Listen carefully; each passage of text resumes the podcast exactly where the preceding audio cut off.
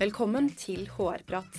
I denne podkasten intervjuer vi HR-ledere, ledere og andre spesialister på sitt felt for å diskutere de utfordringene som dagens HR-ledere står overfor.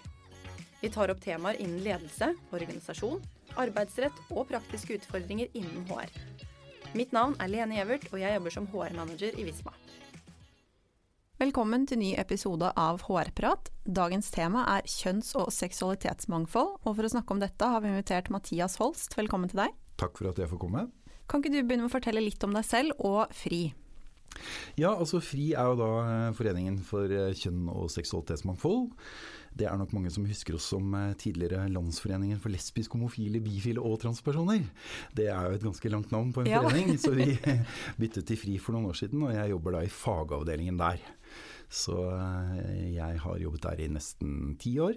Og mitt oppdrag er å skolere det profesjonelle Norge på denne tematikken, sånn at de møter sine brukere og pasienter og elever og, eh, på en god og hensiktsmessig måte. Mm. Dere jobber for at mennesker som bryter med normer for kjønn og seksualitet skal kunne leve åpent og uten frykt for å bli utstøtt, diskriminert eller trakassert. Kan du si litt om hvilke bevisste og ubevisste holdninger som disse menneskene møter? Ja, nå er det jo sånn at når vi fødes og kommer til verden, så eh, er vi jo da registrert som enten gutt eller jente, med alle de kravene som ligger der.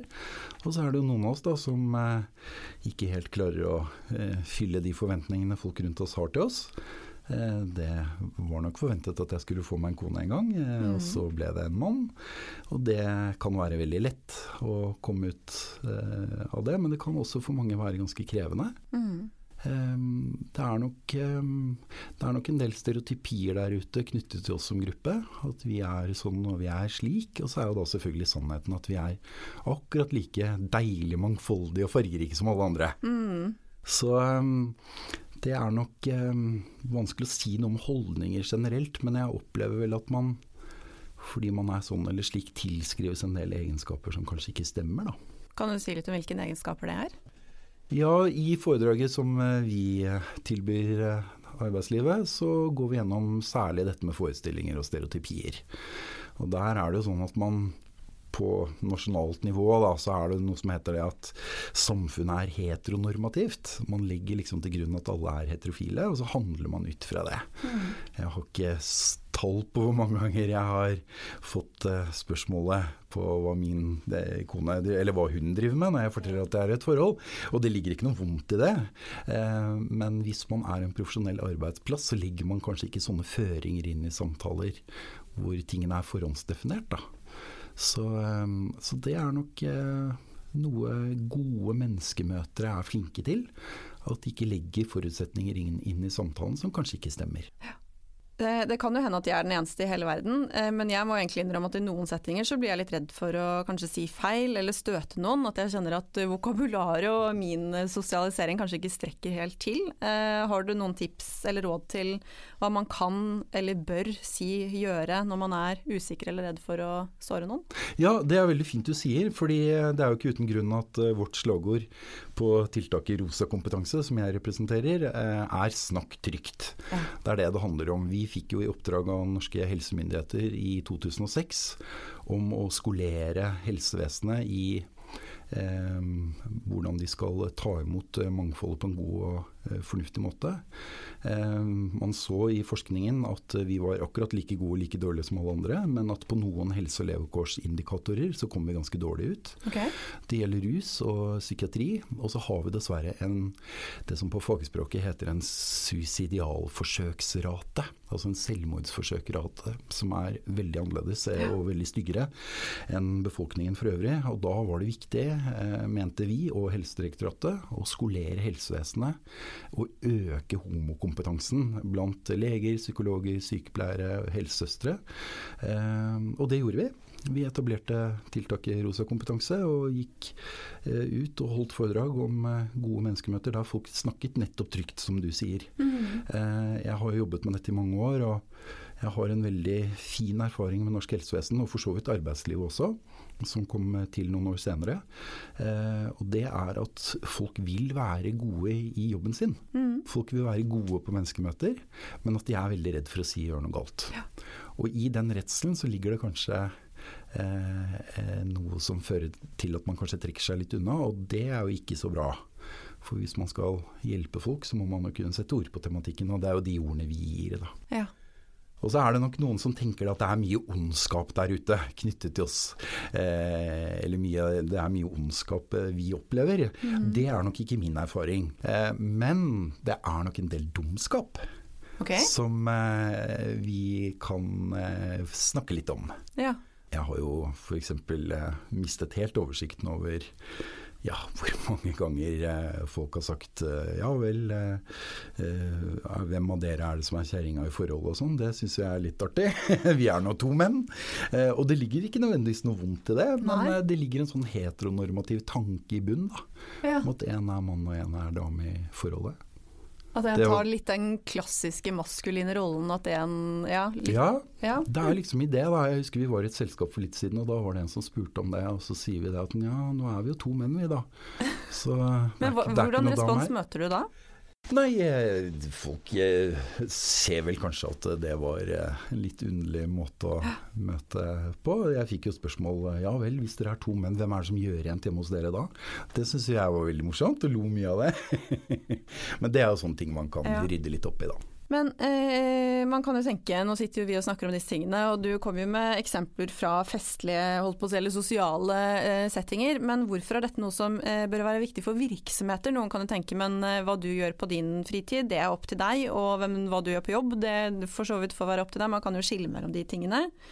Eh, og så kan jo noen tenke at eh, vi har jo enten noen skeive på kontoret som er åpne eller ei. Altså hvorfor skal virksomheter i det hele tatt bry seg om dette? Det er jo eh, viktig å få et ordentlig svar på det.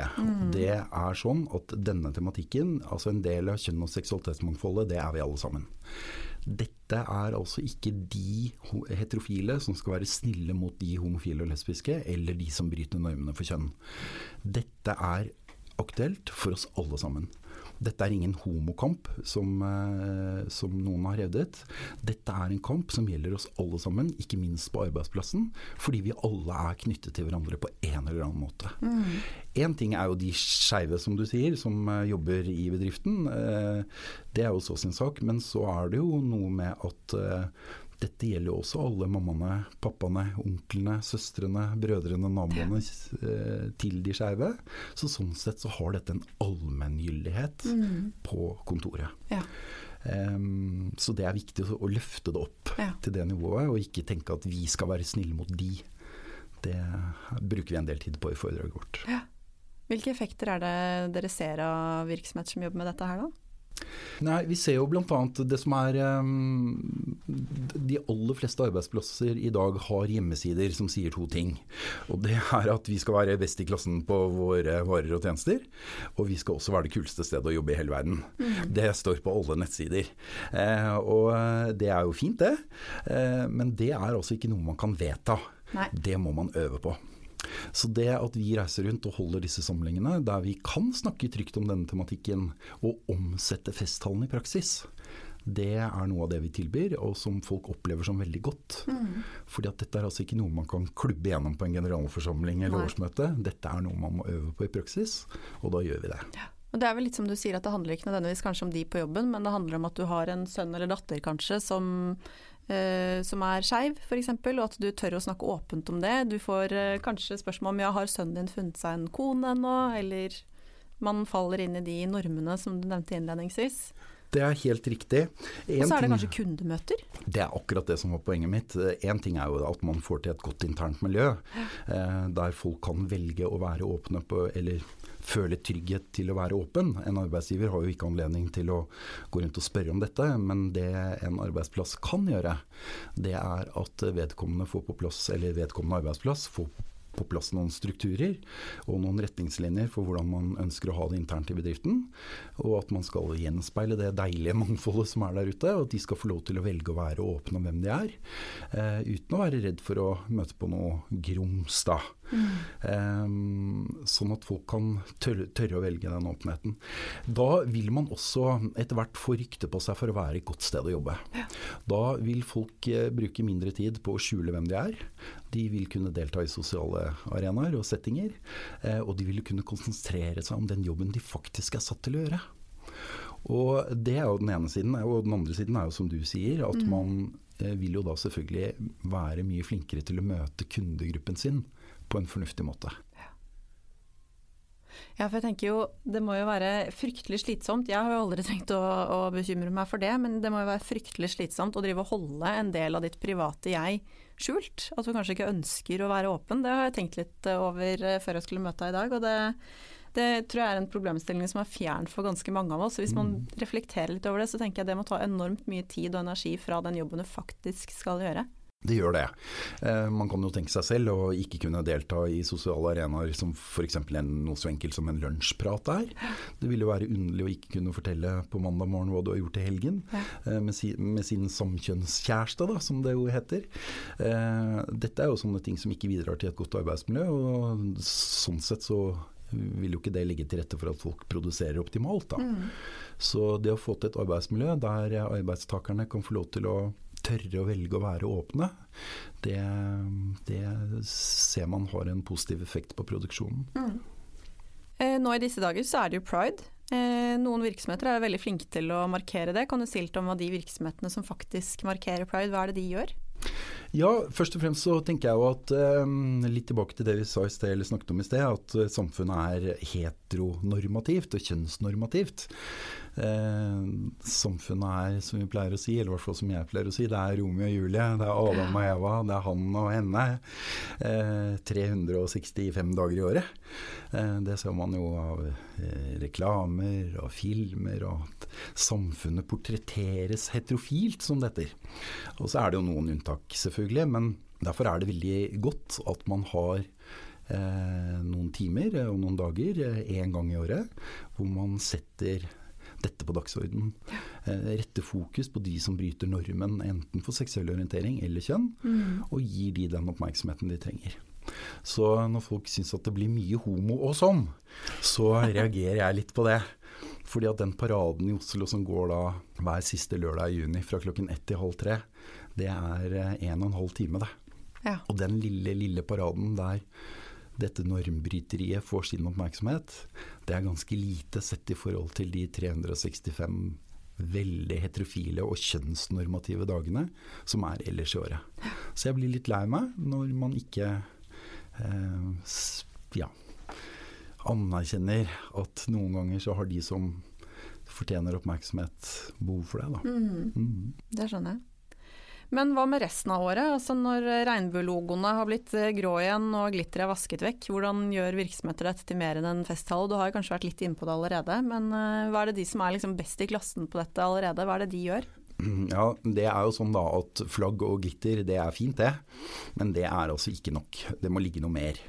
Eh, man må få på plass noen strukturer som sier noe om eh, hvordan vi ønsker å ha det. En mangfoldserklæring er veldig fint. Vi ønsker å speile det fine samfunnet og alle de fargene som er der. Vi ønsker å være et tverrsnitt av Norges befolkning hos oss. Og vi ønsker en åpenhet. Og vi ønsker at folk som ønsker det, skal få lov til å tørre å velge det uten å være redd. At man får på plass noen sånne strukturer. Eh, det fins jo også registreringssystemer som kanskje ikke åpner for en kjønnskategori som eh, man kjenner seg igjen i. Eh, det er jo ikke så lenge siden vi hørte en historie om et firma som hadde invitert til julebord. Og da hadde man sendt ut blå invitasjoner til alle gutta, hvor det sto 'ta gjerne med kona di'. Og så var det rosa invitasjoner til alle damene hvor det sto 'ta gjerne med mannen din'. Ja. Og da snakket vi om det, og det var nok noen som fikk seg en eh, opp, oppvåkning der. Men det som var veldig søtt da, det var jo at året etter så fikk jeg en kopi av den nye julebordsinvitasjonen. Og den var grønn, og der sto det 'velkommen til julefest, ta gjerne med deg en du er glad i'. Ja. Og da ser man jo at litt rosa kompetanse eh, også har effekt litt utover det, det formelle mm. med registreringssystemer og toalettbruk og, og, sånne ting, men at man også tar det inn i de små arenaene som betyr veldig, veldig mye. Mm. Før vi runder av, hvis du skal gi tre råd til HR-ledere som hører på, hvilke råd vil du gi dem for at de kan skape en inkluderende arbeidsplass? Ja, jeg tenker jo at man må få på plass eh, noen eh, forretningsetiske og bedriftsetiske retningslinjer som sier noe om at dette er en type mangfold. Eh, og flere typer mangfold er viktig for oss, og at vi må legge til rette for at vi både gjenspeiler det og tar vare på det. Vi ser flere bedrifter som har noen ganske fine nulltoleranseerklæringer for mobbing. Det er veldig fint. Eh, og så tenker jeg at kompetanseheving er viktig. Det er nok en oppfatning om at i 2020, som vi skriver i dag, så er alt greit. Og det burde ikke være noe problem. Og for mange er det ikke det. Men eh, tallene viser at vi som minoritet har noen særutfordringer fremdeles som det er viktig at vi tar tak i. Mm. Og med de tingene på plass, så kan man kanskje med noe bedre samvittighet vifte med dette regnbueflagget.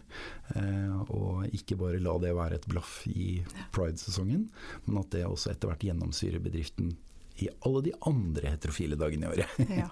Tusen takk for gode råd, og tusen takk for at du kom. Takk for at jeg fikk lov til å komme. Og til deg som eh, hører på, vi prates. Hvis du har temaer eller spørsmål du ønsker vi skal diskutere, send oss gjerne en mail på hrprat.visma.com. Og for flere episoder, sjekk ut visma.no slash podkast slash hrprat.